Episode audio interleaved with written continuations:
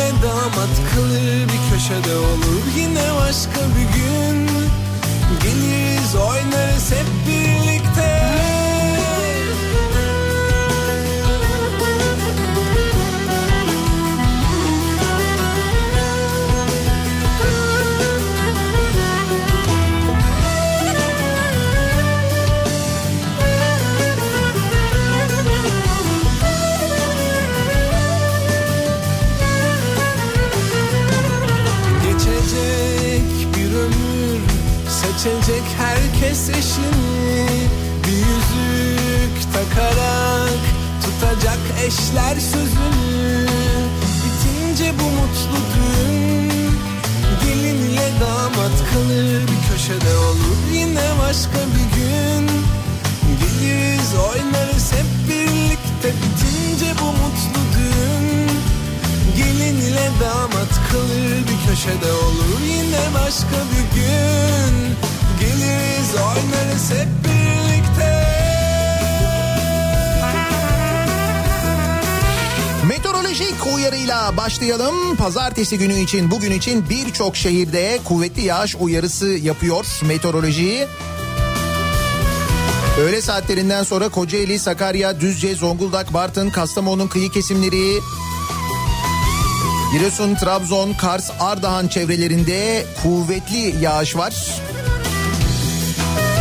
İstanbul'da da yerel yağışlar bekleniyor. Sağanak ve gök gürültülü yağış ki dediğim gibi bazı gri bulutlar İstanbul'un kuzeyden kuzeyden üstünü kaplamaya şimdiden başlamış vaziyette. Bilmiyorum bir yerde yağmur başladı mı, yağmur indiriyor mu ama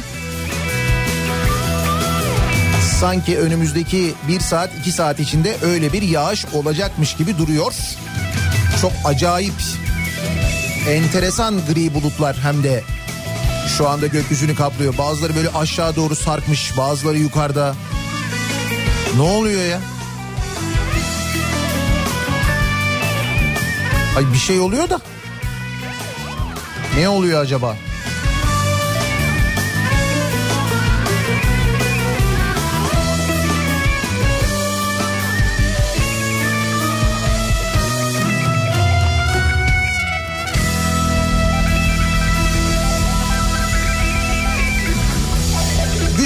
Haberle başlayalım. Önce keçiler kurtuldu haberiyle başlayalım. Sonra konuşacağımız konular, haberler zaten tahmin ediyorsunuzdur. Üç aşağı beş yukarı.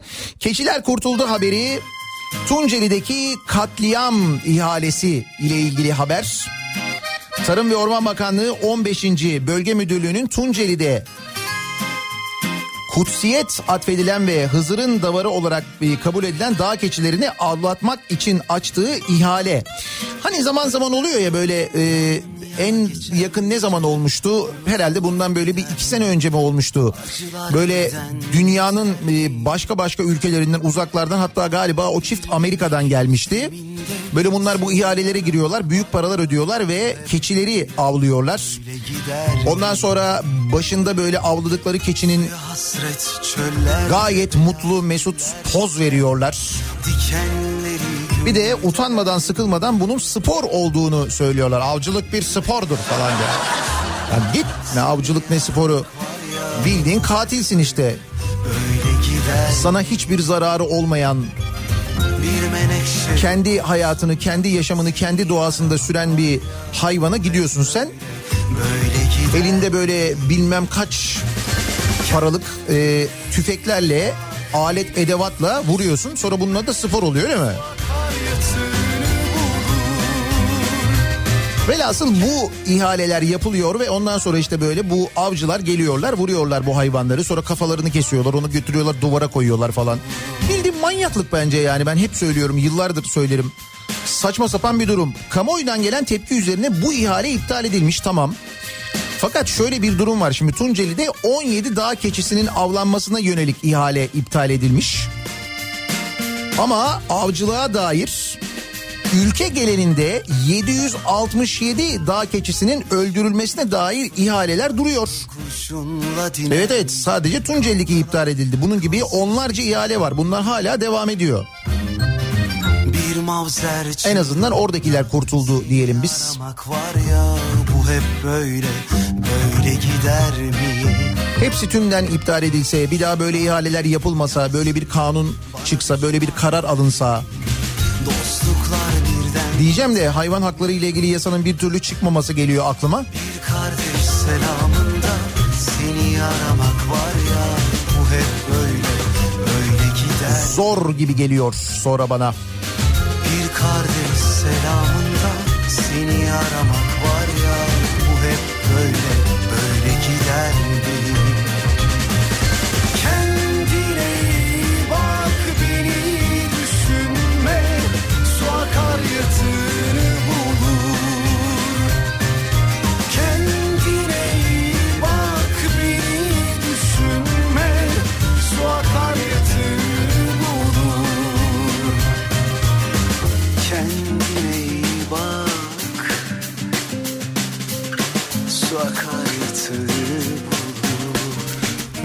elbette Türkiye'nin ve dünyanın aslında dünyanın hala bir numaralı gündemi Türkiye'de gündem ışık hızıyla sürekli değiştiği ve en lüzumsuz konular bizim gündemimiz olduğu için belki bu kadar umursamaz olduğumuz korona konusu.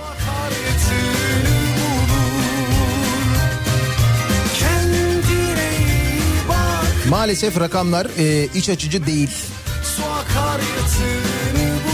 Hasta sayısında, yatırılan hasta sayısında, entübe edilen hasta sayısında, e, yoğun bakım alınan hasta sayısında geçtiğimiz e, aya göre yani bir ayda çok ciddi bir artış olduğunu söyleyeyim. Rakamlar maalesef hani böyle iyi rakamlar değil. Bilmiyorum siz Sağlık Bakanı'nın açıkladığı rakamları nasıl değerlendiriyorsunuz ama genel olarak durum hiç hoş durmuyor. Tabii bu bizimle de alakalı dediğim gibi pek umursamıyoruz gibi görünüyor. Belki ondan kaynaklanıyor. Bir günde rekor ceza kesilmiş mesela. Neresi burası? Gaziantep. Gaziantep'te salgın sürecinde sosyal mesafe ve maske kuralına en az uyan illerden biri. Ki bunu zaman zaman konuşuyoruz Gaziantep'le ilgili. Hatta işte Gaziantep Belediye Başkanı, vali sürekli açıklamalar yapıyor. Nitekim kentte 10 Temmuz'da maske ve sosyal mesafe kuralını ihlal eden 4693 kişiye ceza kesilmiş. Rakama bak bir günde 4693 kişi. Bir gün önce de yani 9 Temmuz'da da yine 4682 kişiye toplam 4 milyon 213 bin 800 lira maske ve mesafe cezası kesilmiş. Her gün 4500-4600 kişi. Fena para değil aslında yani. Ay, yerel yönetim için olabilir belki faydalı olabilir Antep'te de. Peki niye böyle oluyor? Ya da böyle dikkat etmeyince habire böyle cezalar kesiliyor. Belli ki pek dikkat edilmiyor. Dikkat edilmeyince ne oluyor? Şöyle oluyor. Hoş geldiniz ziyareti sonrası 31 kişi karantinaya alınmış. Gaziantep'in İslahiye ilçesinde yaşayan EK'nın ziyaretine Gaziantep'te yaşayan akrabaları gelmiş. Mahallede yaşayan diğer yakınları da EK'nın ailesinin geldiğini öğrenince onlara hoş geldiniz ziyaretine gelmiş. O ona ziyaret, o ona ziyaret derken ziyaret sonrası EK'nın koronavirüs testi pozitif çıkmış ve ziyarete geldiği belirlenen 31 kişinin yaşadığı 8 ev karantinaya alınmış. Ben umarsız, sen ayıpsız, halimiz bu şükredelim. Bunun üzerine Gaziantep valisi Davut Gül sosyal medya hesabından bir açıklama yapmış. Ee, bir vatandaşa başsağlığı dilerken koronadan hayatını kaybeden cenazelere katılmaya devam ederseniz vakalar bitmez, hastaneler yetmez. Demiş. Ee, Gaziantep valisi artık en son bu şekilde uyarmış. Halimiz bu şükredelim.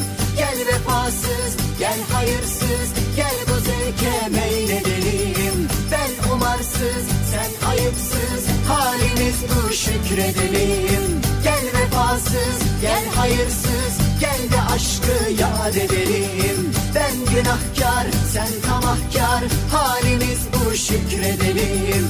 Gel vefasız, gel hayırsız, gel bu Ve alınan önlemler zaman zaman e, yeni önlemler alınıyor. Kimi yeni kurallar konuluyor. Bu kurallara ne kadar uyuluyor, ne kadar uyulmuyor, ne kadar denetleniyor. Kimi yerlerde çok sıkı denetleme olduğunu biliyoruz. Kimi yerlerde denetleme de çok az bir taraftan aynı zamanda. Bir taraftan da uygulanması pek mümkün olmayan e, kurallar konuluyor. Yani kimi kurallar arasında tezatlar da oluyor çünkü hakikaten Şimdi Sağlık Bakanlığı'nca salgın yönetimi ve çalışma rehberi güncellenmiş. Ve yeni kimi başlıklar eklenmiş. İşte bu birbirine tezat olanlar belki düzeltiliyor. Belki yeni kurallar konuyor. Fakat şöyle bir durum var. Berber, kuaför ve güzellik salonlarında müşteri ve çalışanlar bundan sonra konuşmayacaklarmış. Berberde bundan sonra kuaförde konuşmayacağız öyle mi? Demek ki girerken dilekçeyle vereceğiz. Yanlardan alalım yanlar kısa olsun. Üstlere çok dokunmayalım enseyi toplayalım ama konuşmak yok dilekçeyle.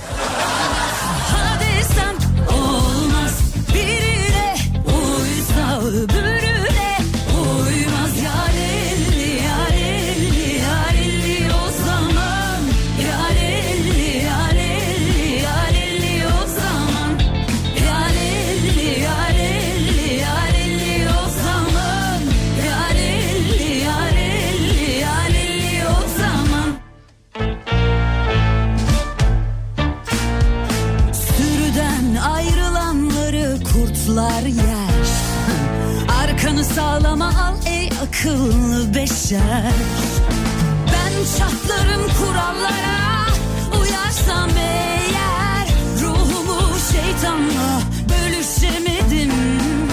Herkesin münasip birer dayısı var. Florya'dayım yağmur başladı.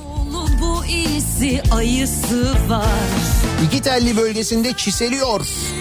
İstanbul'dan yavaş yavaş yağmur haberleri geliyor. Bulup da uyuşamadım.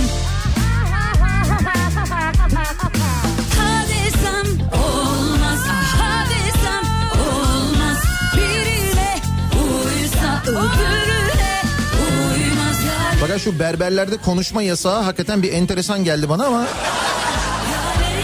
Yani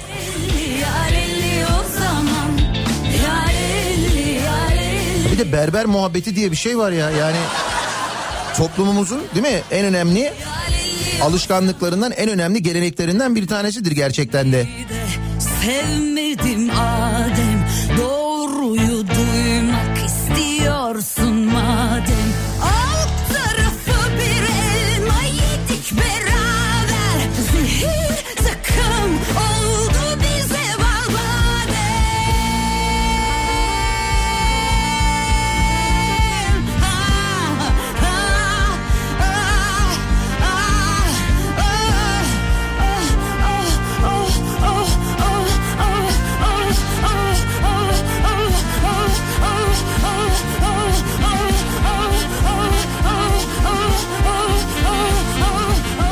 hastanelerin koronalı hastalara bakması için ödenen destek ücreti Sağlık Bakanlığı tarafından kaldırılmış bu arada.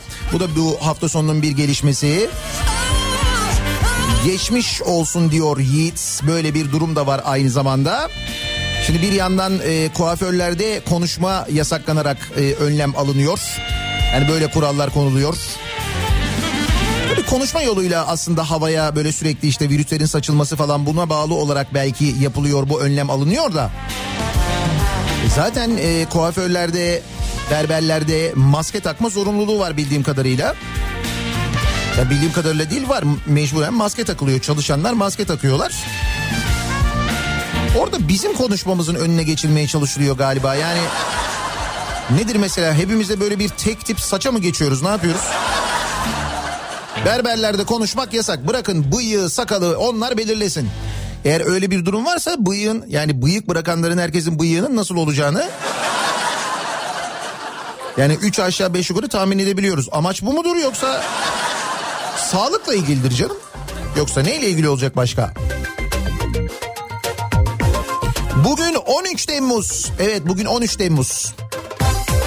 Dünya Patates Kızartması Günü. Biliyor muydunuz böyle bir gün olduğunu? Ciddi söylüyorum. Dünya Patates Kızartması Günü bugün 13 Temmuz.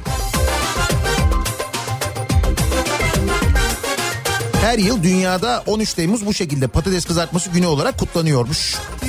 Patates kızartmasının yoğun olarak tüketildiği ülkelerde özellikle Yıllar geçiyor fark et ki biz de dört bir yanında patates yetişen bir memleketiz. Sen ne dersen de yıllar Hoş e, Avrupa'ya bile patatesin gelmesi 1500'lü yılları bulmuş. 1536 Yıllar geçiyor o zaman gelmiş e, Amerika kıtasından. Hatta Avrupa'da önce kabul görmemiş E, patatesten İncil'de bahsedilmiyor diye kabul edilmemiş. Dünya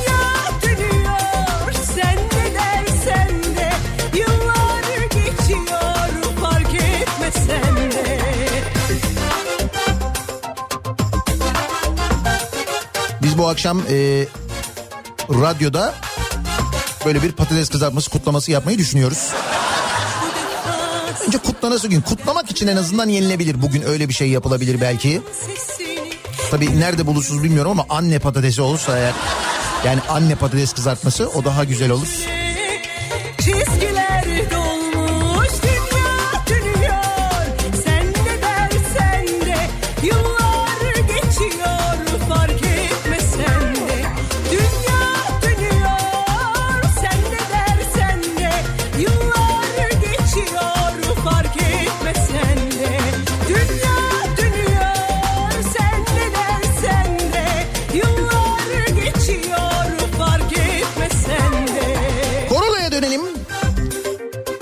Alınmaya çalışılıyor. Sürekli uyarılar yapılıyor. Ancak lüzumundan fazla normalleştiğimiz için belki de çözemiyoruz bir türlü hadiseyi. Görüşmeyi Afyonkarahisar'da bir düğünde virüs önlemi alan polise ki hatırlayınız düğünlerde de işte polis e, görev alacak denildi. Devlet temsilcisi düğünde olacak diye konuşuyorduk. Ekseriyette kolluk kuvvetleri görevlendiriliyor. sen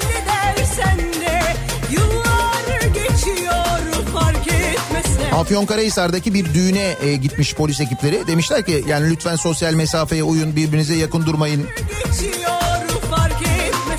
derken belli bir süre sonra siz bizim düğünümüze ne karışıyorsunuz diyerek çıkan kavgada dört polis yaralanmış mesela.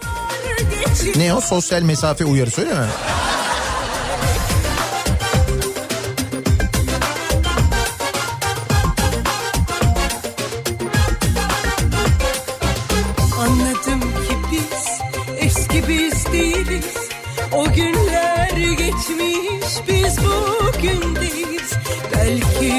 Ne güzel tatile gidenlerden fotoğraflar geliyor. Biz kaçar şuraya doğru gidiyoruz buraya doğru gidiyoruz diye mesajlar fotoğraflar var.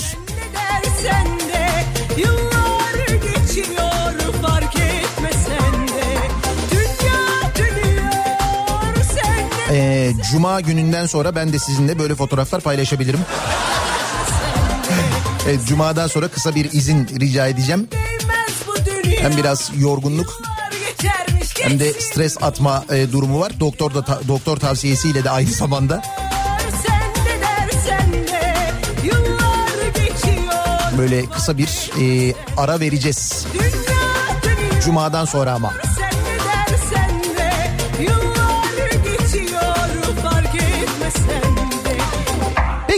nasıl bir pazartesi sabahı trafiğiyle güne başlıyoruz? Haftaya başlıyoruz. Hemen dönelim. Trafikle ilgili son duruma bir göz atalım bakalım.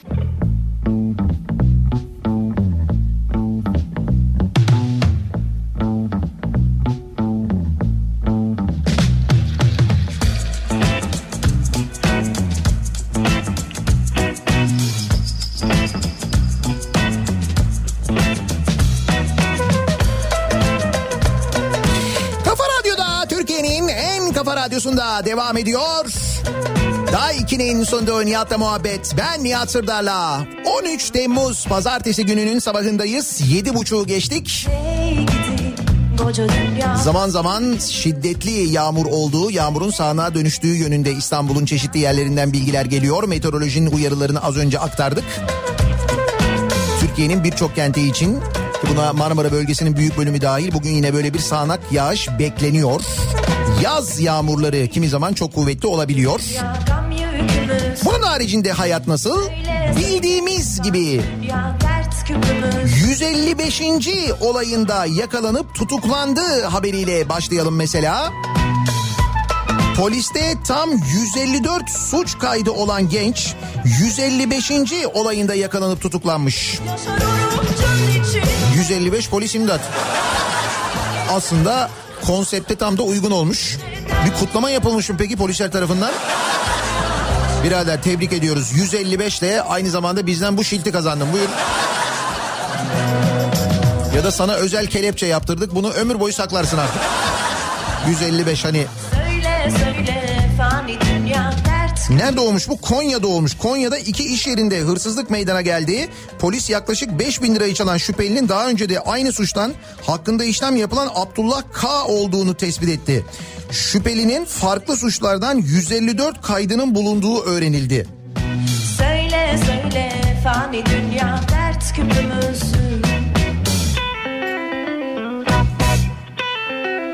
Kariyer rekorunu kırmış. 155 nedir ya?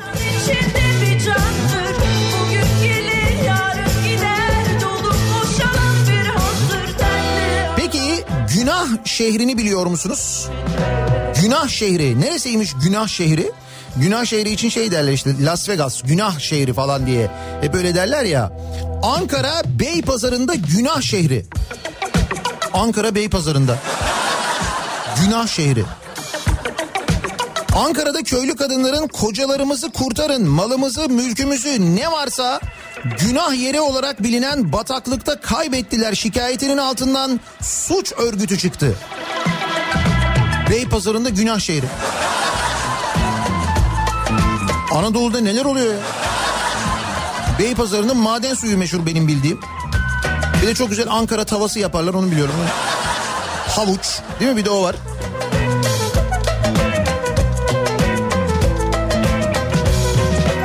Ahırdan bozma mekanı eğlence kompleksine çeviren baba Şefik Kuzucu ve oğulları 15 milyon liralık servet sahibi olmuş. Beypazarı'nda. Beypazarı'nın bu kadar eğlenmeye ihtiyacı var mıymış ya? Şefik Kuzucu oğulları Hacı ve Mustafa ile 10 yıl önce Ankara Beypazarı'na yerleşti. Bozkır'ın ortasında tarlaların içinde kullanılmayan bir ahırı alıp pavyon olarak işletmeye başladı. Kısa sürede ahırdan bozma mekanı eğlence kompleksine çeviren baba ve oğulları eğlence kompleksine bak şimdi. Kumar, fuhuş ama şey eğlence kompleksi. Bak Çek, senet, şantaj, gasp, silahlı tehdit, işkence ve uyuşturucu gibi suçlara bulaştı. Fuhuşa sürüklenen kadınların kaldığı tek kişilik odalar, yüzme havuzu, kuaför, kumar makineleri, pavyon ve gazino olarak kullanılan bölümlerin de olduğu mekana gidenlere fahiş hesaplar çıkarıldı. Bunların hepsi Beypazarı'nda oluyor. ya.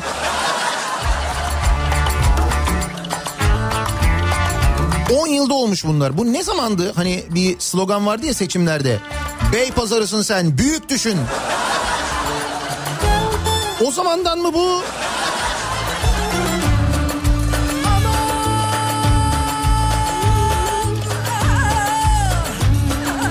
Hesabı ödemeyenlere zorla senet imzalattırıp bazılarının tarla ve evlerini aldılar. Buradaki kadınlarla eğlenen erkeklerin de gizli görüntülerini çekerek görüntüleri ailene göndeririz, rezil ederiz diyerek şantaj yaptılar.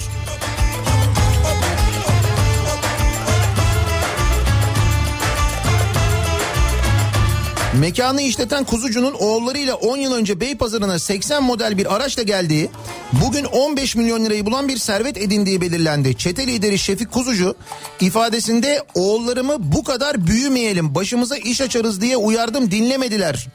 Eğlence mekanıyla başladık, her işi yapar olduk dediği öğrenildi. Bak baba büyümeye karşıymış. Eğlence kompleksi.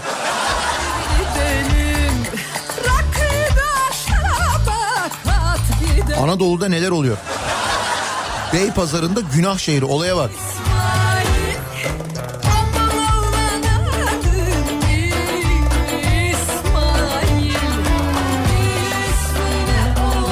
Geçen hafta bir uyuşturucu operasyonu yapılmıştı. Bak şimdi aklıma geldi. Hatırladınız mı?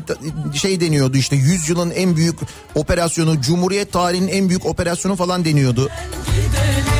Bataklık operasyonuydu ismi. Hatırladınız mı? Geçen hafta haberlerde falan vardı.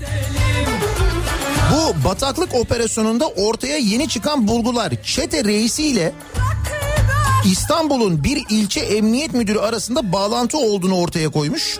Hatta emniyet müdürü uyuşturucu çetesi liderine makam aracı tahsis etmiş. Makam aracı? İçişleri Bakanı Süleyman Soylu tarafından Cumhuriyet tarihinin en büyük operasyonu ifadesiyle duyurulan Bataklık adlı uyuşturucu operasyonunda İstanbul Sultanbeyli'nin eski ilçe emniyet müdürü Necmettin Yüksek'le ilgili çarpıcı detaylar ortaya çıktı. Operasyon kapsamında tutuklanan Türk Escobar lakaplı Nejat Daş'a eski ilçe emniyet müdürü Yüksek tarafından araç tahsis edildiği belirtildi. Necmettin Yüksek'in emniyet maka, emniyetin makam aracını polis olan şoförle birlikte Nejat Daş'a tahsis ettiği çetenin sokağa çıkma kısıtlamalarını bu şekilde deldiği bildirildi. Uyuşturucu çetesi liderine sokağa çıkma yasağında makam aracını mı vermiş?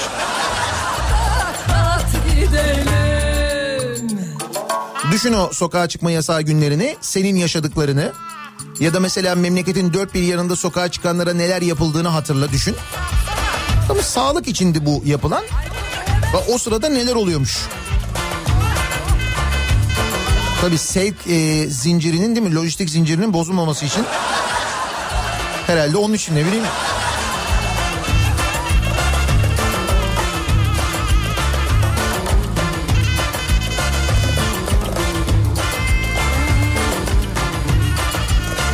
Olaylara bak ya. Bak giderek deliriyoruz ha. Gökkuşağı ledli aydınlatmayı satıştan kaldırdığı iddia edilen BİM'e tepki. Gökkuşağı led gökkuşağına da gıcık olduk farkında mısınız?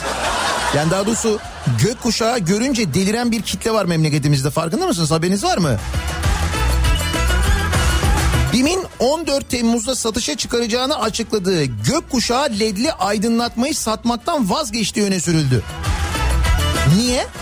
Niye gökkuşağı LBGT'nin şeyi ya simgesi ya. Ha. Ulan gökkuşağı oğlum.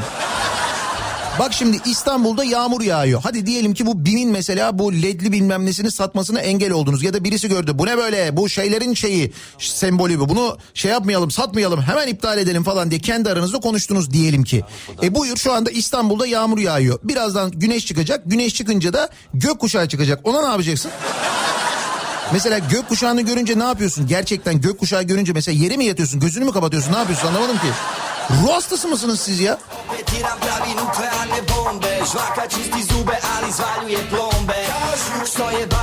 Sosyal medyada BİM'in mağaza kapısına gökkuşağı ledli aydınlatmayı satmaktan vazgeçtiğine dair açıklama astığı paylaşımlar yapıldı. Niye ya? Nedir yani?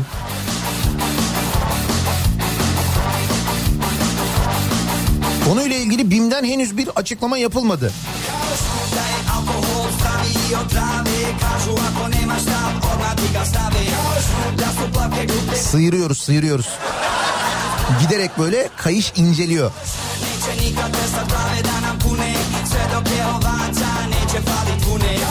Spale su nam gače, zagrizi smo udice Glave nam u pjesku, nezaštićene guzice PlayStation 5. Bak bu mesela e, bugünlerde sokakta falan konuşulan benim de böyle birkaç yerde şahit olduğum bir muhabbet bu. PlayStation böyle çok sevenler, oynayanlar yeni PlayStation peşindeler de. Türkiye fiyatı belli olmuş da PlayStation'ın ne kadarmış? Türkiye'deki teknoloji mağazalarında satışta olan Sony'nin yeni nesil konsolunun fiyatı ortaya çıktı. 7999 lira. Oh, ben bir an 8000 diye şey oldu ama... PlayStation 8000 lira mı ya? Ne diyorsun?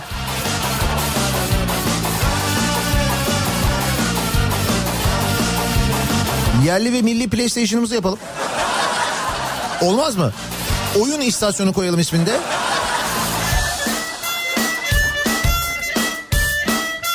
Aa bak oyun dedim de aklıma geldi. Bir e, oyun daha doğrusu bir spor vardı. Wushu. Hatırlıyor musunuz Wushu'yu? Şimdi bu Wushu ile ilgili e, haberler ardı arkası kesilmiyor, bitmiyor bir türlü. Şimdi e, madalya mevzu var. Şöyle Spor Bakanlığı'nın raporuna göre 2019 yılında Wushu'da 1316 madalya kazanılmış. Zagrizi smo udice 1316 madalya kazanmışız. Wushu'da öyle mi? Gençlik ve Spor Bakanlığı 2019'da gerçekleştirilen uluslararası spor e, organizasyonları ile ilgili faaliyet raporu yayınlamış. Uluslararası spor organizasyonları. Raporda 63 branşta kazanılan madalya sayısına da yer verilmiş. 63 branş. Bakın bu rakamlar önemli. Bakanlığın verilerine göre toplam 63 branşta toplam 8808 madalyanın kazanıldığı listede Wushu 1316 madalya ile en yakın rakibi Muay Thai'ye 366 madalya fark atarak ülkenin en başarılı spor branşı olarak dikkat çekmiş. Yani memleket olarak aslında bizim Wushu'ya yeteneğimiz varmış da farkında değilmişiz biliyor musun? Bak uluslararası müsabakalarda en çok madalya kazandığımız spor dalıymış bu. Yani en başarılı olduğumuz dünyada spor dalı Wushu'ymuş. Siz hala futbolun, basketbolun onun bunun peşine koşuyorsunuz. Buyurun. Siz de yanlış yapıyorsunuz. Rapora göre 21 branşın toplamından daha fazla madalya kazanan Wushu'da Türkiye 2019'da düzenlenen dünya şampiyonasında biri gümüş, ikisi bronz olmak üzere 3 madalya kazanmış. Beşincisi düzenlenen geleneksel Avrupa şampiyonasında 93 madalya elde etmiş. Diğer organizasyonlarda alınan madalyaları da toplayınca bu sayı bakanlığın yayınladığı rapordakinin yanına bile yaklaşmıyor bu arada. Yani şimdi raporda bu rakam var ama diyor bakıyorsun diyor yapılan organizasyonlara bakıyoruz diyor uluslararası organizasyonlara bakmışlar. Orada Türkiye'nin kazandığı madalyalara başlamışlar topluyorsun topluyorsun bu rakam çıkmıyor. Peki bu rakam nasıl belli oluyor? Yani madalya sayısının doğruluğunu teyit eden hiçbir veri yok. Ancak uluslararası şampiyonalarda başarı kazanmış gibi gösterilen sporcuların yararlandığı birçok imtiyaz var. He. O zaman başka. O zaman hatırlıyoruz 1316 madalyayı. Bakanlığın belirlediği yönetmeliğe göre uluslararası turnuvada birinci olana en fazla 200, ikinci olana 100, üçüncü olana en fazla 50 Cumhuriyet altını karşılığında Türk lirası ödülü veriliyor. 1836 madalya bir daha söylüyorum. Pardon 1316 madalya düzeltiyorum.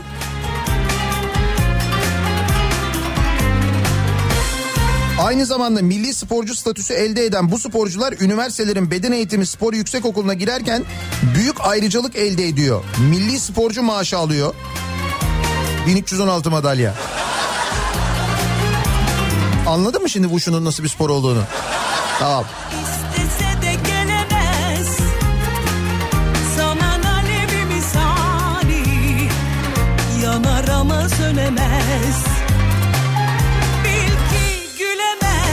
Ilgın Kaymakamı Konya'nın Ilgın ilçesine bağlı Çavuşçugöl mahallesinde açılması planlanan kömür ocağı için tarlalarının kamulaştırılmasına karşı çıkan mahalle sakinleri eylem başlatmış.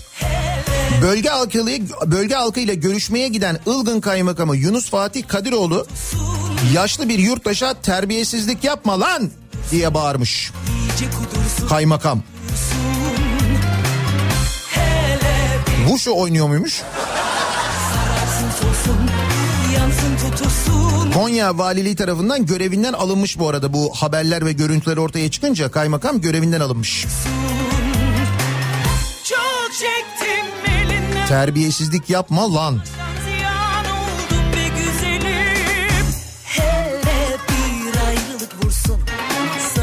Liyakat ne güzel bir şey değil mi? Yani o görevi asıl yapması gerekenlerin o görevi yapamaması, hiç orada olmaması gerekenlerin o görevlerde olması ne güzel sonuçlar doğuruyor değil mi? Yansın Kapım Bu arada liyakat demişken aklıma geldi Hamza Yerlikaya'ya çok güzel bir haberim var. Kendisi artık Merkez Bankası'na da atanabilir. Gülme ne gülüyorsun? Merkez Bankası'na atama için tecrübe şartı Cumhurbaşkanlığı kararıyla kaldırılmış sevgili dinleyiciler. Merkez Bankası Başkan Yardımcılığı için aranan 10 yıl tecrübe şartı Cumhurbaşkanı kararıyla kaldırıldı. Hamza. Ne dersin? Merkez diyorum. Bu arada e, Merkez Bankası'nın İstanbul'da çok kıymetli, çok değerli bir arazisi vardı. E, nerede arazi? Levent'te. Tam kanyonun tam böyle karşı köşesinde kocaman bir arsa.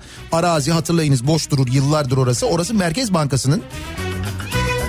Şimdi bu arada Merkez Bankası da İstanbul'a taşınıyor değil mi? Merkez Bankası İstanbul'a taşınıyor. Merkez Bankası. Şimdi diğer bankaları düşünüyoruz. Ee, Levent'te o arsaya o boş olan Merkez Bankası arazisine yakın diğer e, bankaları düşünelim. İş Bankası Genel Müdürlüğü o hat üzerinde değil mi? Hemen yan tarafında. Biraz ileride e, Akbank Genel Müdürlük binası var. Onun karşısında Finans Bank var değil mi? QNB Finans Bank var. Sonra devamında biraz ileride Zincirlikuyu'ya doğru Garanti Bankası var. Yapı Kredi'nin genel müdürlüğü hemen yine onun arkasında. Ya bütün bankalar orada. Merkez Bankası'nın da orada arazisi var. Şimdi Merkez Bankası illa İstanbul'a taşınacaksa ki Türkiye'nin merkezi İstanbul değil, Türkiye'nin merkezi Ankara, başkent Ankara. Hadi geçtik onu artık. Yani o tartışmaları zaten yapmıyoruz. Onları yedik bitirdik de.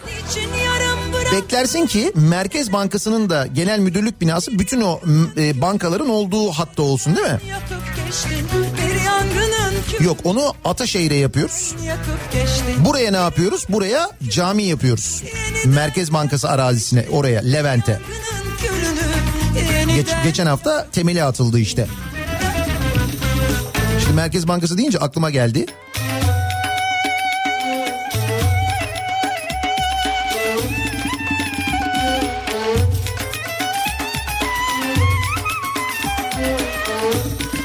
Diyanet çığır açtı. Takvime 10 milyon lira bütçe. sevmiştim seni 2020 yılı için bastırdığı 3 milyon 284 bin takvime 9.8 milyon lira harcayan Diyanet 2021 içinde 3 milyon 420 bin takvim siparişi vermiş. Takvimlerin maliyeti 10 milyon liraya yaklaşacakmış. Sonra bu takvimler satılıyormuş zaten öyle mi? Duyar mısın Ne oluyormuş bu takvimde? Ne yazıyormuş mesela? e, 10 milyon lira harcanan bu takvimlerde çeşitli fetvalar yer alıyormuş. Ne yazıyormuş orada? Kürtaj cinayettir. Anne karnındaki ceninin dinen meşru sayılan haklı bir gerekçe olmadan düşürülmesine, aldırılmasına, son verilmesine müsaade edilemez yazıyormuş mesela takvimde. Külünü Cinsel arzuları tahrik eden ifade ve tasvirleri içeren, haramları güzel gösteren müzikleri yapmak ve dinlemek günahtır yazıyormuş mesela takvimde. Ateistin kestiği eti yemek, baskılı tişörtte ve üzerinde canlı varlıkların resimleriyle namaz kılmak günahtır yazıyormuş mesela. Bu takvimde.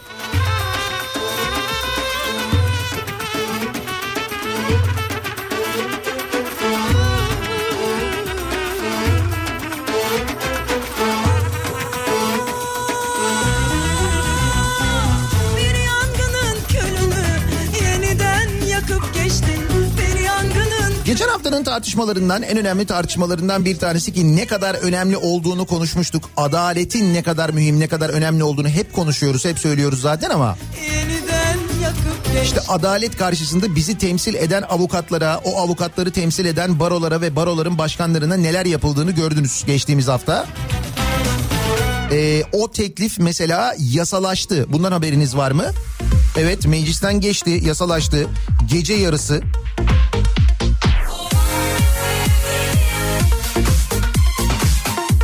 Şimdi gece yarısı geçti bu yasa.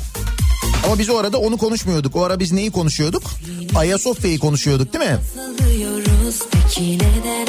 Şimdi Ayasofya'nın e, müze statüsünden çıkarılması ki Ayasofya'nın müze olmasına karar veren Bakanlar Kurulu kararının altında Atatürk'ün imzası var. O imza ve o kararname birisi tarafından Danıştay'a götürülüyor, şikayet ediliyor, kaldırılsın diye ve Danıştay 10. daire kararı veriyor, değiştiriyor. Bu arada bu Danıştay 10. daire de mesela Danıştay 10. dairesi başkanı Akçil FETÖ'den kapatılan Adalet Akademisi'nin başkanıymış. Bu kararı veren Danıştay 10. dairenin başkanı.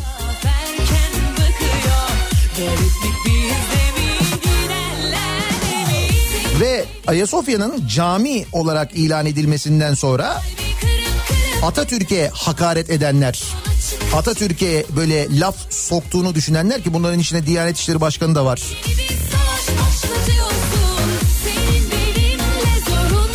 Yok işte böyle taş adam eriyor falan yazanlar.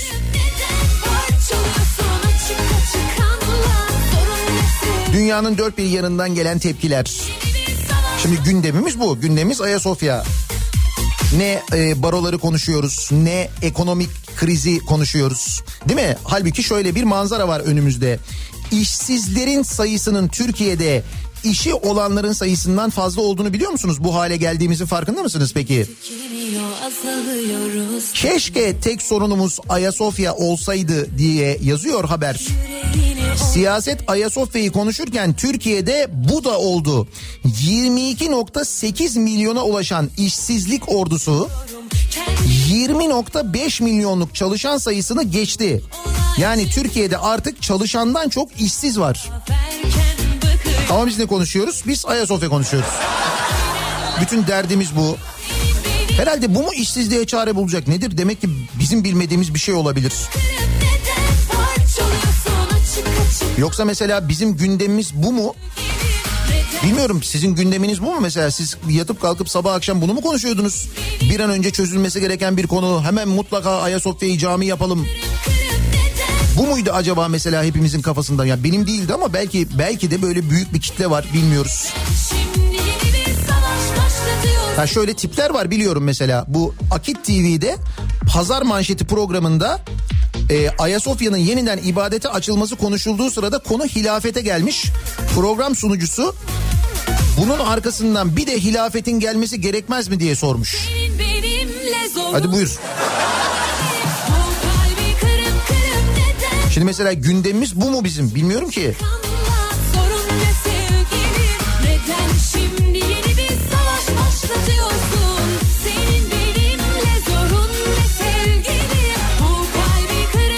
Sizin gündeminiz ne acaba diye biz de bu sabah o zaman konuşalım soralım.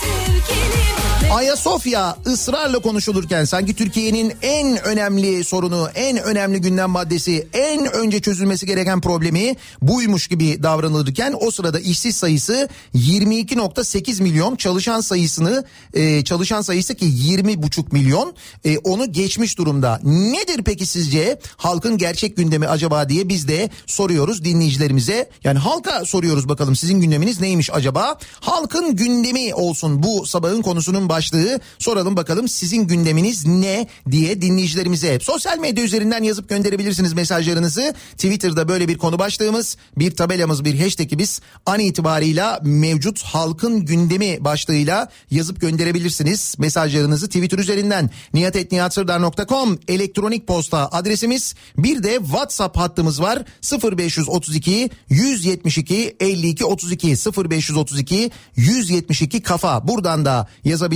mesajlarınızı. Reklamlardan sonra yeniden buradayız.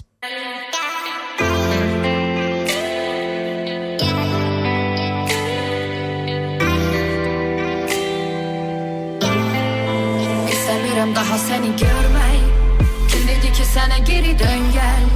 Bu sevgi salır bize gölge Geçmelisən qabaqdadır döngə İstemiyorum daha seni görmeyi Kim dedi ki sana geri dön Bu sevgi salır bize qabaqdadır döngə Ey. Kafa Radyo'da Türkiye'nin en kafa radyosunda devam ediyor. Daiki'nin sunduğu Nihat'la muhabbet. Ben Nihat Sırdar'la pazartesi gününün sabahındayız.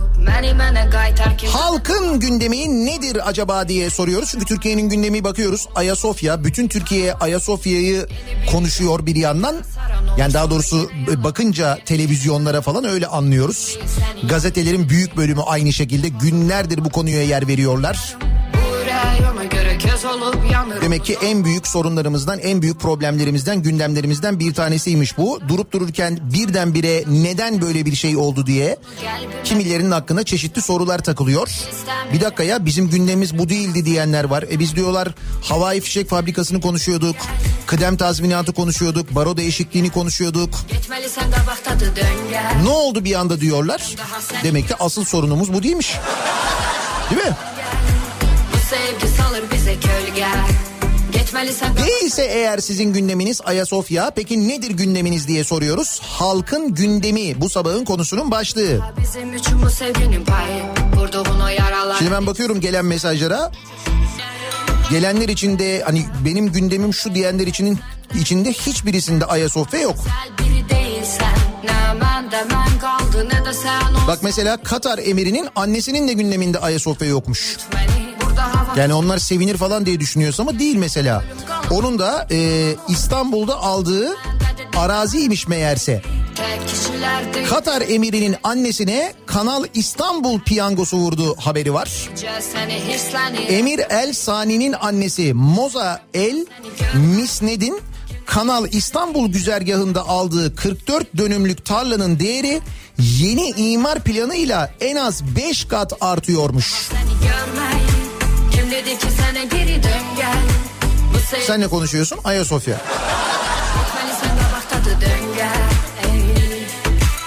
Sen o tarafa bakarken diğer tarafta o sırada bunlar oluyor. Kanal İstanbul'un çevresinde kurulacak yeni şehrin imar planları onaylanmış. Katar emirinin annesinin aldığı arazinin akıbeti de belli olmuş. Kanalın dibinde bulunan 44 dönümlük tarla turizm ve ticaret alanı yapılmış. 25 milyon lira olduğu belirtilen arsanın fiyatının imarla birlikte 5'e katlanacağı tahmin ediliyor. E 25 milyona 125 milyon. Fena para değil yani. Aslında değil mi? İyi para yani.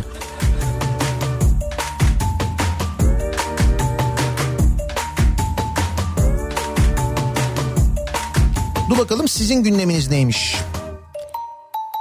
Hoş geldin burası sihirli bir dünya Kredi kartının asgari ödemesini nasıl yapacağımı hesaplamaktan ala gündem mi var diyor bir sağlık çalışanı dinleyicimiz göndermiş. Benim gündemim bu diyor.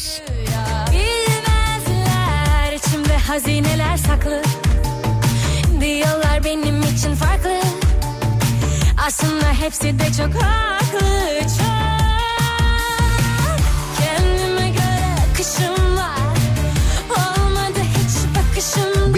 Benim cebimde kalan 200 lirayla ay sonuna kadar nasıl idare edeceğim? Geçen hafta markete gittim. Normal market alışverişine 300 lira ödedim. Ay sonu nasıl gelecek? İstediklerimi, ihtiyaçlarımı nasıl alacağım? Maaşımın üçte birinden fazlası zaten kiraya gidiyor. Faturalar çok gelmese keşke diye düşüneceğim. Babamdan para istesem ama yüzüm yok. Peşindeyim Bıktım yıllardır ihtiyaçlarımı alamamaktan, bir yerlerde eğlenememekten, tatile gidememekten. Üstüne yok YouTube yasağı, yok Netflix yasağı. Bıktım artık doldum. Daha da bunların bir de adam kayırması var. Wuşusu, Kanal İstanbul'u bilmem nesi. Bak mesela bakıyoruz bakıyoruz okuyoruz uzun uzun. Hiç Ayasofya geçmiyor içinde. Sizin gündeminizde iş yok muydu ya hayret.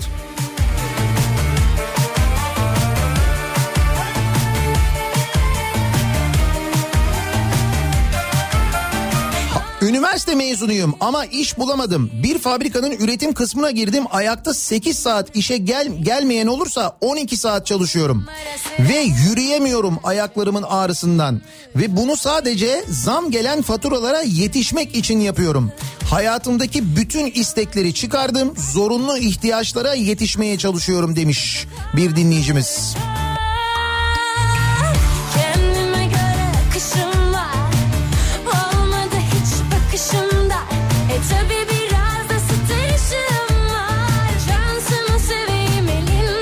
İşsizlik, yolsuzluk, hukuksuzluk had safhada ama olsun Ayasofya açıldı diyor Murat.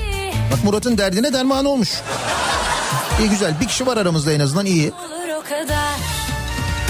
Bu benim hikayem bu benim masalım Aşkımın peşindeyim çok istersem alırım Hiç sevmem oyunları ben geçtim o yolları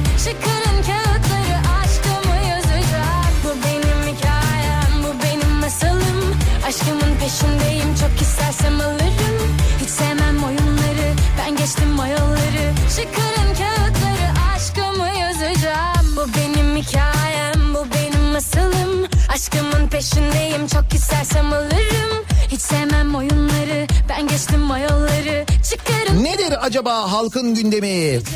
bu benim hikayem Allah aşkına gündemden bol ne var? Kafanı sağa çevir sonra sola çevirene kadar 10 kere gündem değişiyor. Yetişemez olduk diyor Uğur.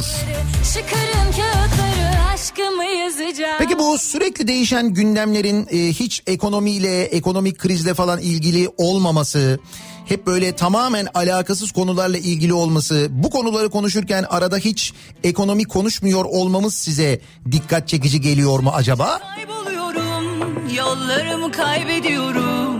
Kayıt dışı o anlar. Gel diyor bana uzaklık. Halkın gündemi ekonomi veya korona değil canım Ayasofya'ydı. Bir de Galata Kulesi'ni minare yaparsak bu iş tamam diyor Zeki. Bela bela, bela belasın bela bela. Ne mutlu bize ki Ayasofya açıldı ve beraberinde işsizlik bitti, faturalar iptal edildi, ekonomi uçuyor. Korona ülkeyi terk etti, Anka Park yeniden açıldı. Basın ve avukatlar tarafsız oldu. EYT'li kalmadı artık hepsi emekli oldu. Bunların hepsi Ayasofya açılınca oldu değil mi? Hemen çözüldü. Süper. Bana beni bile unutturuyor Her tarafım itirafta işte Anladım ben Halkın gündemi geçim derdi diyor Ozan Duyar. Özellikle turizmciler başta İstanbul'da çalışan turizm emekçilerinin. Biz turizmin hareketlenmesini beklerken bir turist görünce bile mutlu olurken onlar turizmi daha da baltalayacak Ayasofya'yı cami yapma kararını verdiler diyor. Ha bir de işin bu tarafı var değil mi? Türkiye'nin en çok turist çeken yapısı e, Ayasofya. En çok turist giden müzesi. Değil mi? Ya birinci ya ikinci Ayasofya. Daha doğrusu öyleydi. Geçmiş olsun.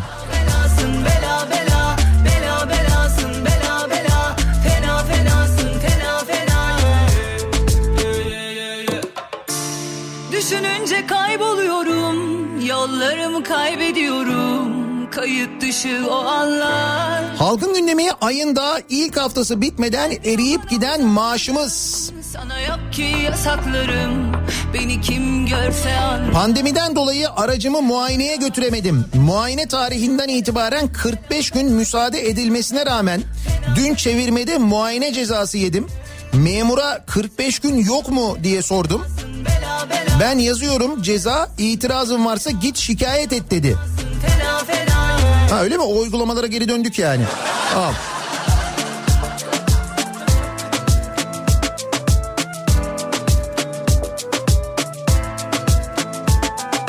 Halkın gündemi herkes birbirine TÜİK market nerede var diye soruyor.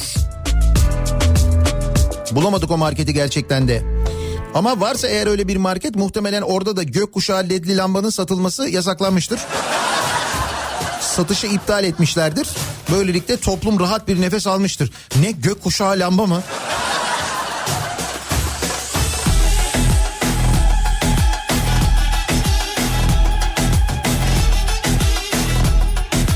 Halkın gündemi İstanbul Sözleşmesi tabii ki. Kalksın tabii canım kadına şiddet mi var ülkede? Öyle diyorlar ya halkımız istiyorsa İstanbul Sözleşmesi'nden vazgeçilebilir falan diye. Numan Kurtulmuş geçen gün öyle söylüyordu. Hiç kadına şiddet mi var sanki öyle bir şey mi var? Ne gerek var değil mi İstanbul Sözleşmesi'ne? Nihayet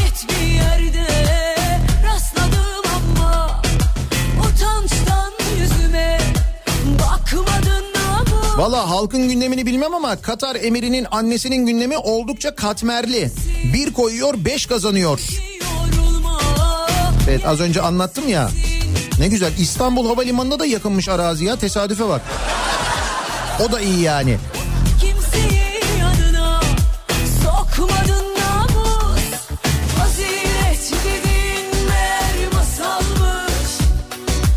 Halkın gündemi tabii ki ekonomi. Hangi ekonomi? zenginmiş fakirmiş halkmış Beton ekonomisi. O önemli biliyorsun. Ama betonu fabrika dökmek için, fabrika yapmak için dökmüyoruz.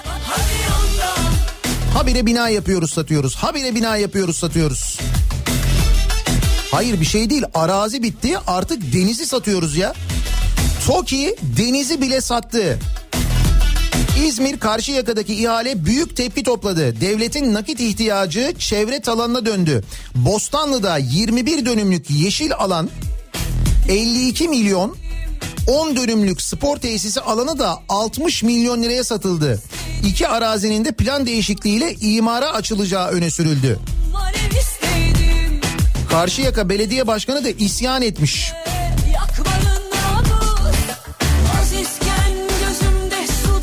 Demiş ki yeşil alanlar ticariye çevrildi. Hepsini şirketler aldı. TOKİ satışları gizliyor demiş.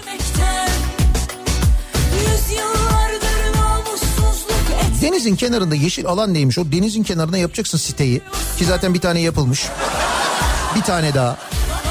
Hatta bir bölümünü denizin içine yapacaksın. Güzel fikir.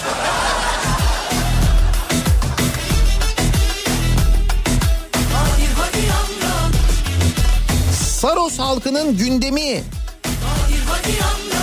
Saros körfezine özel doğal gaz limanı yapılmasıymış mesela. Saroslular konuşmuyorlar mıymış Ayasofya'yı? Hayret. Kendi kendini temizleyen Saros'taki deniz yaşamı bozulacak. Bölge halkı tepkili. Katar sevdanız için mi Saros'u feda ediyorsunuz diye sormuş Saroslular. Öyle miymiş? Oradan da mı Katar emirinin annesi? Ne kadar öngörülü bir insanmış kendisi gerçekten de.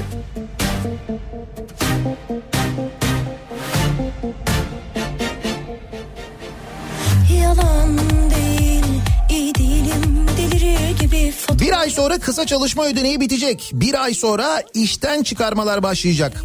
Ekim-Kasım aylarında çoğu firma kapanma durumuna gidecek. 24 Temmuz'dan sonra bitecek mi? doğru İşsizlik artacak, krediler bile düşük faizli kullanılmayacak.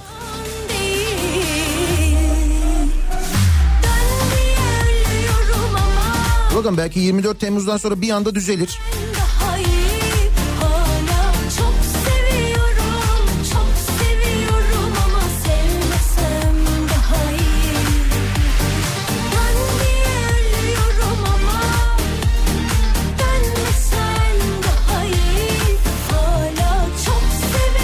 Gündemi açlık, sefalet, geçim sıkıntısı.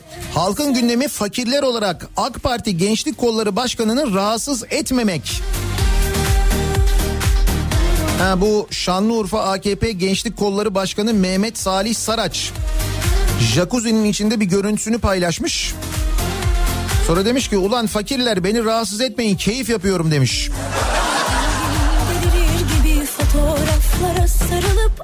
Sonra jacuzzi'den çıkıp Ayasofya'nın önüne mi gitmiş ne yapmış? Gidip oradaki kutlamalara katılmıştır herhalde sonra değil mi? Bugün olmasa yarın gelir. Yalan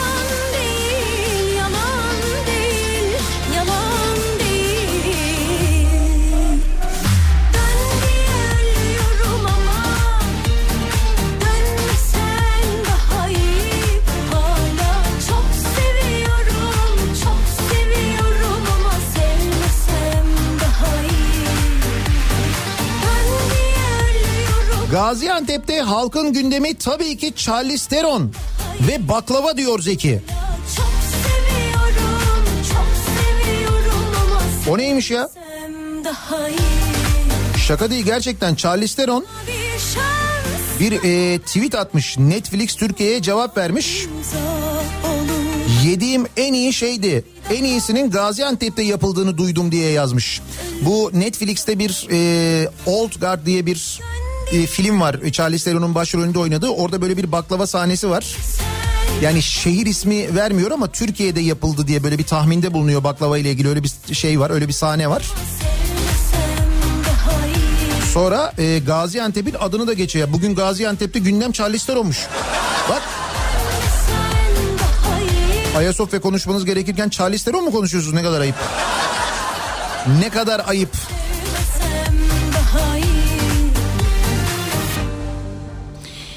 Ee, bakalım halkın gündemi.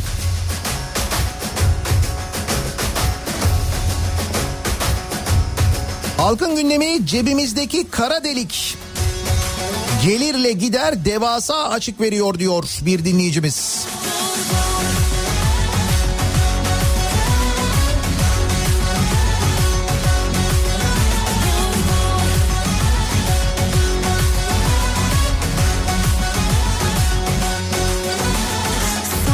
Halkın gündemi, gelecek kaygısı, iş güvencesi, sosyal devlet gün geçtikçe bitiriliyor, özel okullar, İmam Hatip'e dönen devlet okulları, özel hastaneler, kaldırılması düşünülen kıdem tazminatı.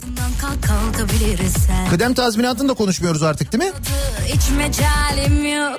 Bakma sen güllüğüme Yazı değil mi ömrüme şu çektiğime? Hesabı kesin kader hadi yüzleşme. Vur Günaydın Nihat Bey. Halkın gündemi bir hafta sonra tabii ki Başakşehir nasıl şampiyon oldu? Trabzon'un önünü kim kesti olacak? Memlekette işsizlik, yolsuzluk ve adaletsizlik olmadığı için spor ve sanat gibi ruhu besleyen konulara geçeceğiz. Karnımız da tok zaten. Hiç.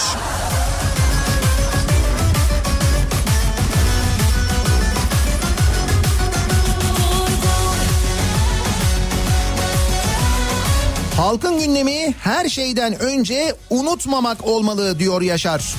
Seçime giderken baroları rakamlarla oynayan TÜİK'i salgında istenen 10 lirayı orman yangınlarını, kıdem tazminatını, Soma madencilerini, Tekirdağ tren kazasını, Soma maden faciası ve paraları 6 yıldır ödenmeyen maden işçilerini unutmasın halkımız yeter. Vur vur Sen bunları söyleyince bile ha diyen o kadar çok insan var ki Yaşar.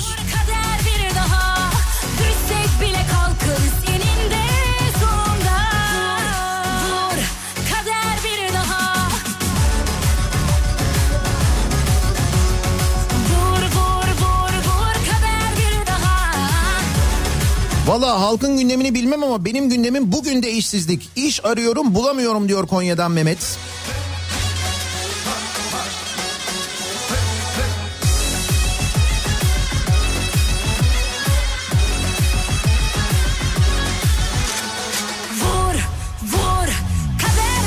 Benim gündemim yüzde 25 artan mazot, yüzde 150 artan gübre, tohum ve tarım ilacı fiyatları, %100 artan yem fiyatları, buna rağmen yerinde sayan destekleme ve mahsul fiyatları. Çiftçiyiz, pamuk ipliğine bağlıyız, her yere borçluyuz diyor. Çiftçi bir dinleyicimiz göndermiş. Mesela çiftçinin gündemi de Ayasofya değil, çok enteresan. Oradan gelen bilgi de o yönde. Ee, cumartesi günü İznik'teydim. Tarlalarda kabaklar çürümeye bırakılmış. 40 kuruş tarla fiyatı olduğu için çift çiftçi toplayamıyor. Yazıktır emeğe demiş bir başka dinleyicimiz. Belki çiftçiler başka işleri olduğu için toplamamışlardır. Belki onlar da Ayasofya'ya gitmişlerdir.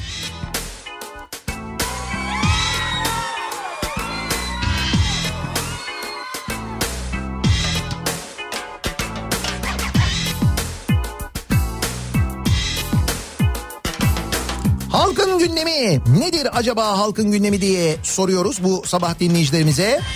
Bakıyoruz çünkü basının gündemi baya baya hala Ayasofya.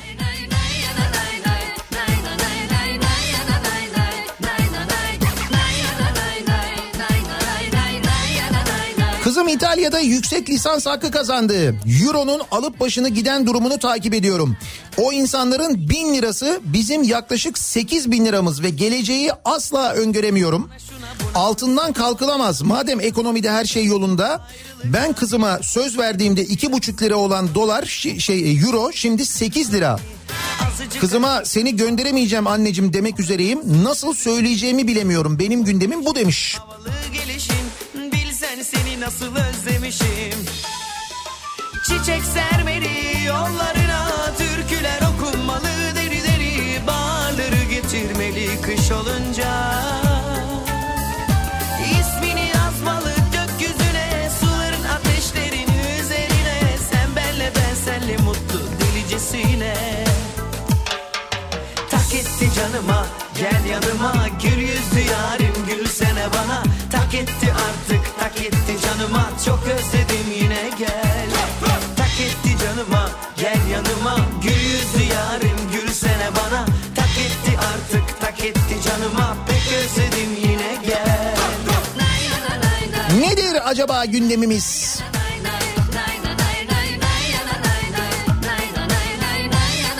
Uyku uyuyamıyordum. Yıllardır kafamdaki sorular. Ayasofya ne zaman ibadet açılacaktı? Şükür açıldı, rahata kavuştum. Artık geceleri rahat uyurum. Çocuğun bezi, mutfak masrafı, kira, elektrik, su, doğalgaz bunlar falan umurumda değil. Nasıl olsa hep açız. Hep ödeyemiyoruz. Hep dilenciyiz ama olsun. Ayasofya ibadeti açıldı. Şimdiden sonra artık elektrik, su, doğalgaz, ev kirası, mutfak masrafı bunların hepsi Ayasofya tarafından ödenir diye düşünüyorum demiş bir dinleyicimiz. Hakikaten bu konuyla ilgili Diyanet'e başvursanız. Mesela biz ödeyemiyoruz siz bizim yerimize bir zahmet falan bütçe de var çünkü Diyanet'te sağlam bütçe var hem de öyle böyle değil. Belki o konuda bir yardımcı olabilirler diye düşünüyorum ama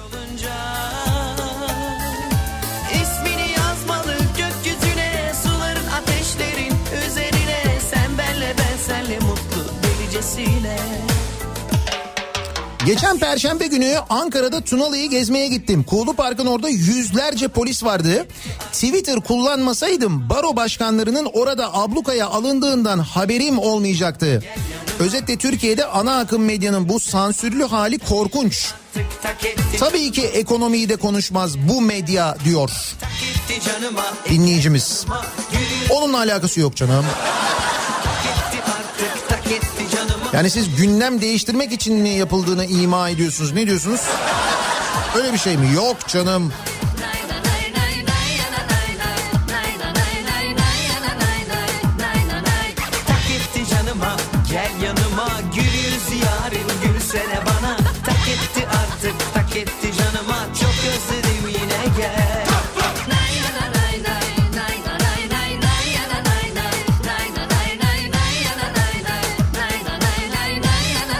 Nihat'cığım gündemi sen yazdan sonra gör. Anadolu yazın gelecek gurbetçiyle ayakta duruyordu. Bu sene gelen de olmayacak. Esnafı yaz sonu görsen. Hiçbir şey olmaz. Esnafımız da yaz sonu Ayasofya'nın açılmasının verdiği mutlulukla hiçbir şey hissetmez merak etmeyin siz. Nedir acaba halkın gündemi diye soruyoruz. Gerçekten bugün basındaki görüntü gibi mi sadece Ayasofya mı konuşuyoruz tek derdimiz bu muymuş acaba diye soruyoruz dinleyicilerimize. Reklamlardan sonra yeniden buradayız. Mecbur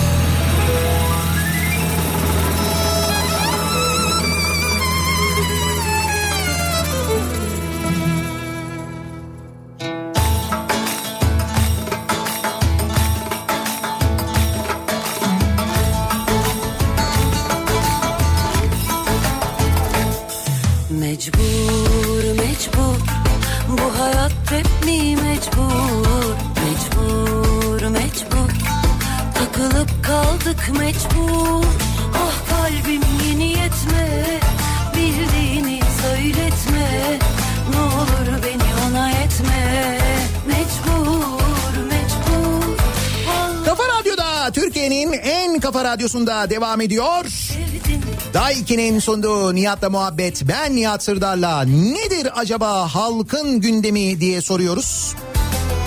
Dinleyicilerimize ya şimdi basının büyük bölümüne bakarsak eğer gündem Ayasofya. Hatta sadece problemimiz tek problemimiz neredeyse buymuş o problemimiz de çözülmüş gibi görülüyor.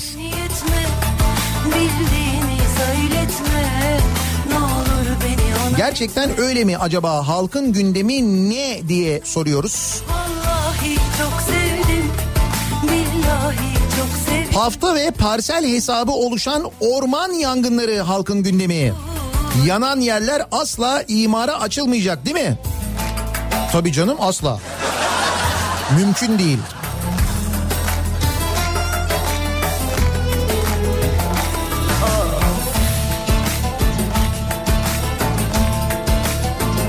Halkın gündemi ısrarla neyi, nereyi, kime satalım? Ayasofya halloldu. Sümele Manastırı'nda bir düşünelim. Atatürk Havalimanı'ndan da kurtulduk çok şükür değil mi? Mecbur mecbur Dur şimdi orasına yeni başladık. Mecbur Orası yeni Florya siteleri diye yakın zamanda başlar yani. etme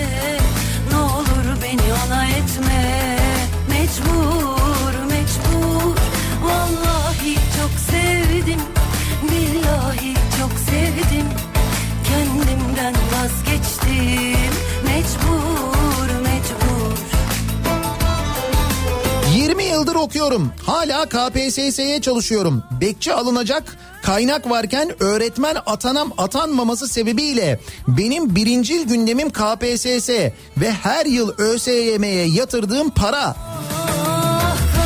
Tabii siz para yatıracaksınız ki ÖSYM kâra geçecek değil mi? Önemli.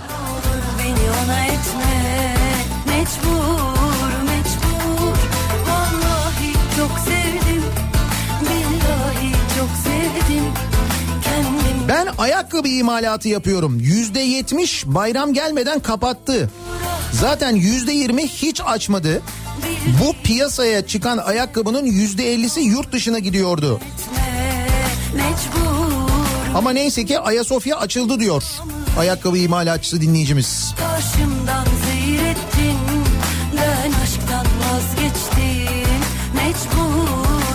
Kardeşim üniversite mezunu. iki yıldır KPSS dershanesine gidiyor. Bu yıl pandemiden dolayı yarım yamalak gitti. Dershaneye o kadar senelik emeği yine boşa çıkacakmış gibi geliyor bize. Asla sıra gelmeyecek bu torpilliler, mülakatlar varken yani bizim gündemimiz uzun zamandır çöpe giden zamanımız. Çünkü üniversiteye giderken hayallerimiz iyi bir hayattı ama hayallerde kaldı. Bizim suçumuz torpil istememek ya da yalakalık yapmamak diyor Fatma. Öyle mi diyorsunuz? Birilerini torpille bir yerlere atıyorlar. Mülakatlarda falan adam kayırıyorlar diyorsunuz. Ama Ayasofya açıldı. Bak ellerini Aşk böyledir yakın duran kazanır Gül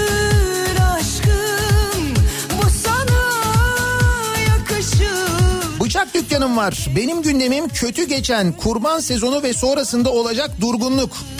Akabinde tedarikçilerle yaşayacağım sıkıntı.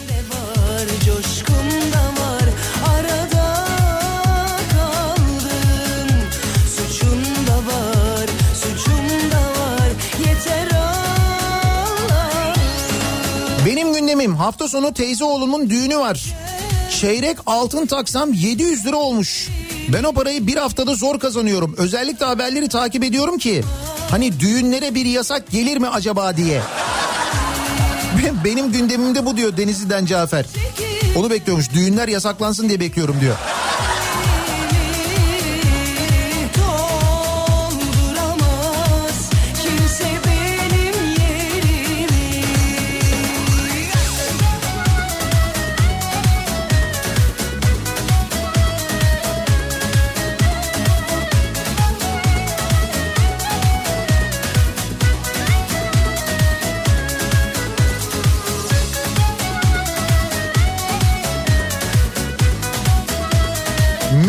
Faiz indirimiyle evlere 100 bin lira fark koyuldu. Ama konu hakkında bir açıklama yok. Ev almama az kalmıştı şimdi mecbur faiz artışını bekleyeceğiz. Bu arada Ayasofya'ya iki imam ve dört müezzin atanacakmış. Dolayısıyla istihdam sağlanacakmış. Bundan da bahsedin demiş dinleyicimiz. Ya bak gördün mü? İstihdama katkı oldu bir anda. Gül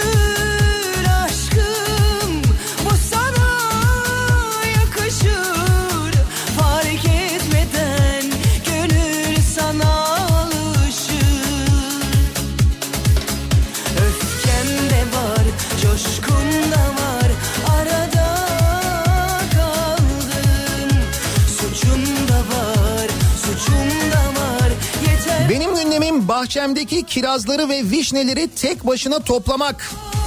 Mersin'den Ayfer göndermiş. Ne kadar güzel olmuş yalnız. Kiraz onlar değil mi?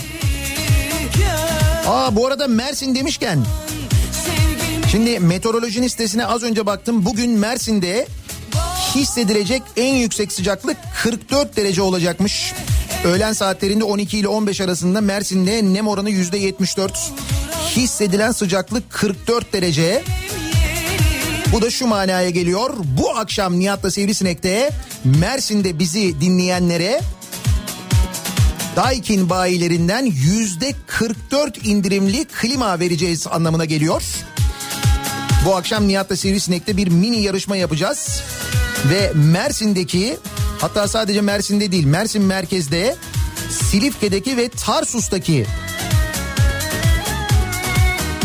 ha bir de Mersin Erdemli'de yani toplamda 5 dinleyicimize yüzde 44 indirim e, vereceğiz. Teselli armağanlarımız da var aynı zamanda. O nedenle bizi Mersin'de dinliyorsanız bu akşam Nihat'la Sivrisineği çok dikkatli dinleyiniz. Daikin turnemizi e, bu sene böyle radyodan yapıyoruz. Pandemi sebebiyle. Yoksa şu vakitlerde hatta daha da öncesinde zaten Mersin'e çoktan gitmiş olacaktık aslında da. Yalnız 44 derece hissedilen sıcaklık da iyiymiş yani. Mersinlilere şimdiden sabır diliyoruz.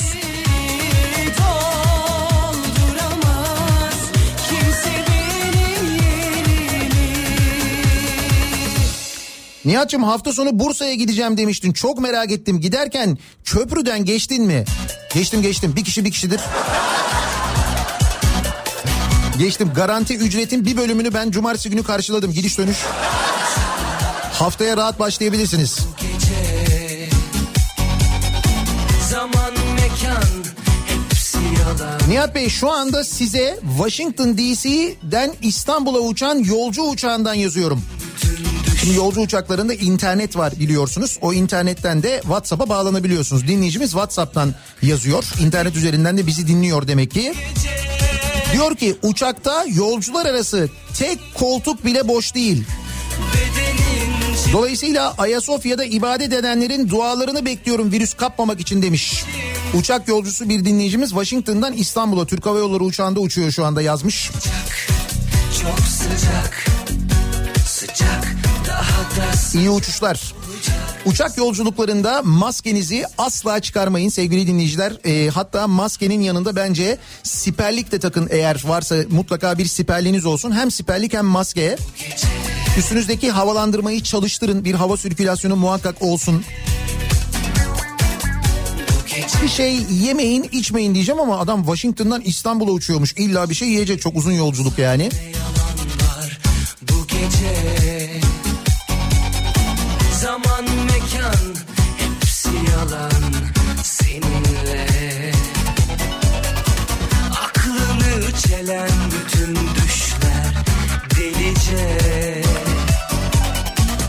Çıkarıldım. Yeni iş bulamıyorum. Benim gündemim açlık demiş mesela bir dinleyicimiz.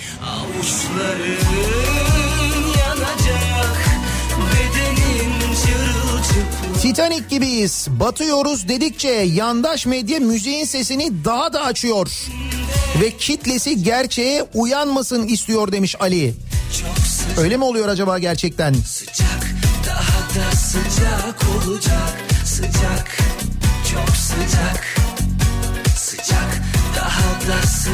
Markete gittim. Aylık alışverişimi yaptım. Kasada Ayasofya dedim. Biz bize yeteriz dediler. Ve kasadan geçerken uyandım. Hakikaten böyle bir denesek mi acaba? Öyle deyince ne oluyordu bakalım. Avuçların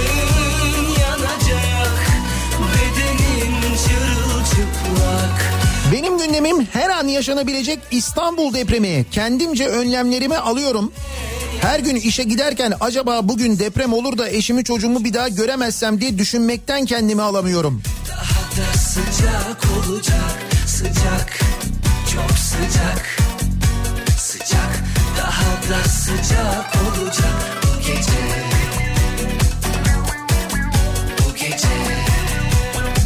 Sultanahmet'teki otel sahibi bir arkadaşım yazdı. Demiş ki 24 Temmuz günü tarihi yarımadada bütün oteller full. Anadolu'dan 100'e yakın otobüs geliyor. 48 ile çarparsanız 4800 kişi Ay- Ayasofya'da cuma namazı kılmak için. Böyle bir organizasyon mu yapılıyormuş şu anda 24 Temmuz için öyle miymiş? bedenin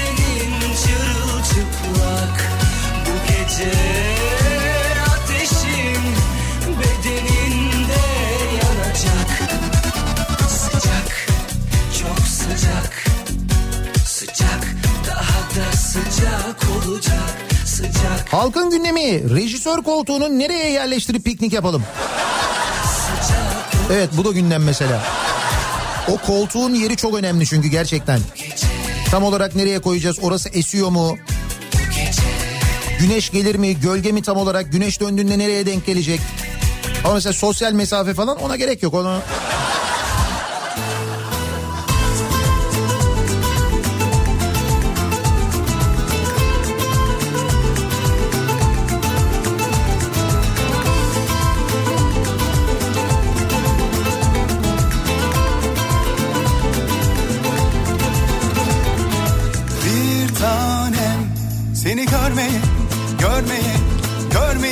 28 yıllık emekli imam çocuğuyum. 10 yıllık devlet memuruyum.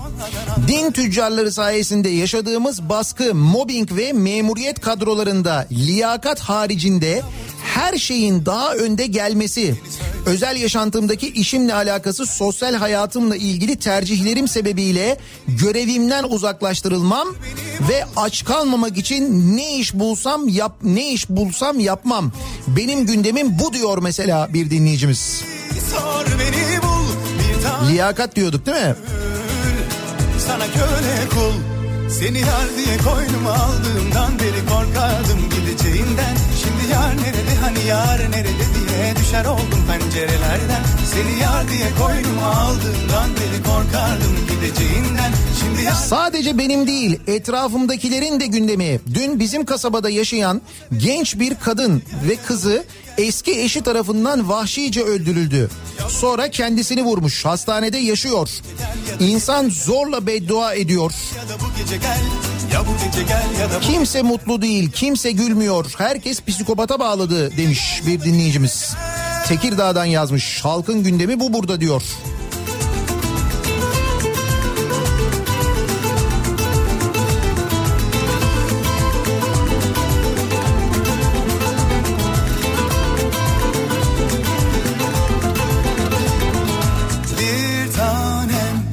Gece lambalar yandı mı aşk saklanmıyor çiğ tanem Bir zaman Emekli maaş zamları SGK internet sayfasında açıklanmış. Sözde ben 2359 lira maaş alıyormuşum ve bana 94 lira zam gelmiş. Enflasyon 12.60 açıklanan maaş zammı 5.75. bir tane Ama ben hiçbirini görmedim diyor Sezat. Sor beni bul bir tanem Sana köle kul bir tanem. Beni Sor beni bul. Bir tanem gönül. Sana köle kul seni yar diye koynuma aldığımdan beri korkardım gideceğinden Şimdi yar nerede hani yar nerede diye düşer oldum pencerelerden Seni yar diye koynuma aldığımdan beri korkardım Bu arada evet Anadolu'da bu Ayasofya turları yapılıyormuş. hani söyle 24 Temmuz Ayasofya Camii Cuma namazı programı kişi başı 235 lira. Ya bu gece gel ya da bu gece gel. Şeyden Amasya'dan e, gidiliyormuş. Ya bu gece gel ya da gece, Bu konaklamalı değil ama galiba değil mi? gece gel. Ya bu gece gel ya da Evet tabii konaklamalı değil 235 liraymış kişi başı. ya bu gece gel ya da gelir ecel. Bir ara verelim reklamlardan sonra yeniden buradayız.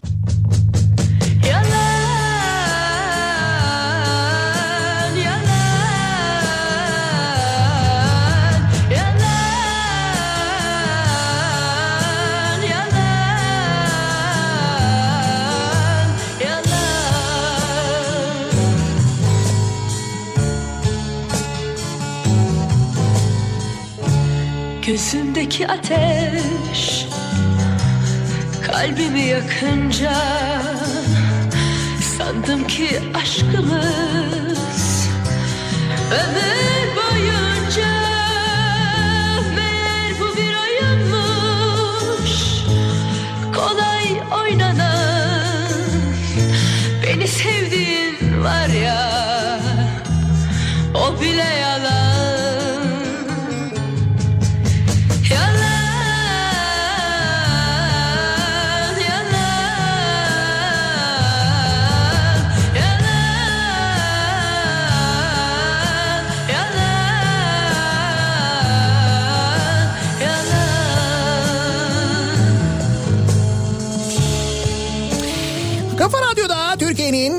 kafa radyosunda devam ediyor.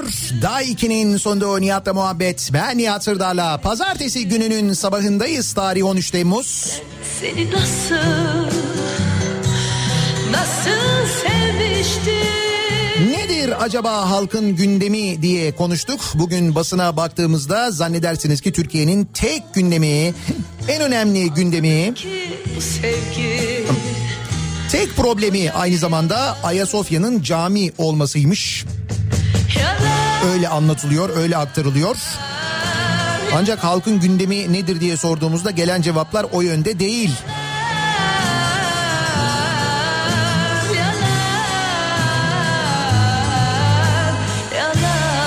Halkın gündemi zekamızla alay edilmesi. Cumhurbaşkanlığı Ayasofya'nın müze kalmasını istemiş sevgili dinleyiciler. Danıştay 10. dairesinde avukat Zeynep Gökçe Zengin Ayasofya'nın müze olarak kalması yönünde savunma yapmış. Seninim diye Hadi buyurun bakalım. başka bir aşk bulmuşsun Hakikaten dalga mı geçiyorlar yoksa Yine söyle mutlu mu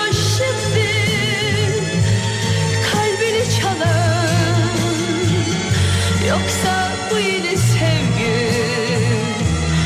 o da mı yalan yalan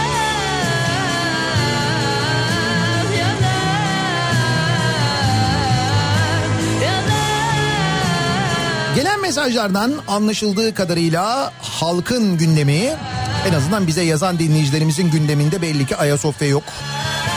Ekonomi var gündemde ekonomi. Yürümeyen ekonomi, çalışmayan ekonomi, insanların karnını doyurmayan, insanların aç yatmasına sebep olan ekonomi. İşsiz sayısının çalışan sayısından fazla olmasına sebep olan ekonomiden bahsediyoruz. Gerçekten rakamlar inanılmaz Türkiye'de. işsiz sayısı 22 milyonu geçmiş, çalışan sayısı 20 milyon 500 bin. Ki daha bu e, işten çıkarılmalar yasak biliyorsunuz. Kısa çalışma ödeneği falan devam ediyor. Bir de o bitecek. O zaman ne olacak acaba? Ama Ayasofya konuşuyoruz. Yayınımızın sonuna geliyoruz. Bu akşam 18 haberlerinden sonra eve dönüş yolunda ben yeniden bu mikrofondayım Sivrisinek'le birlikte. Kripto odası yok Güçlü Mete e, tatilde izinde merak etmeyin diye hatırlatayım ben de söyleyeyim. Akşam yeniden birlikteyiz tekrar görüşünceye dek hoşçakalın.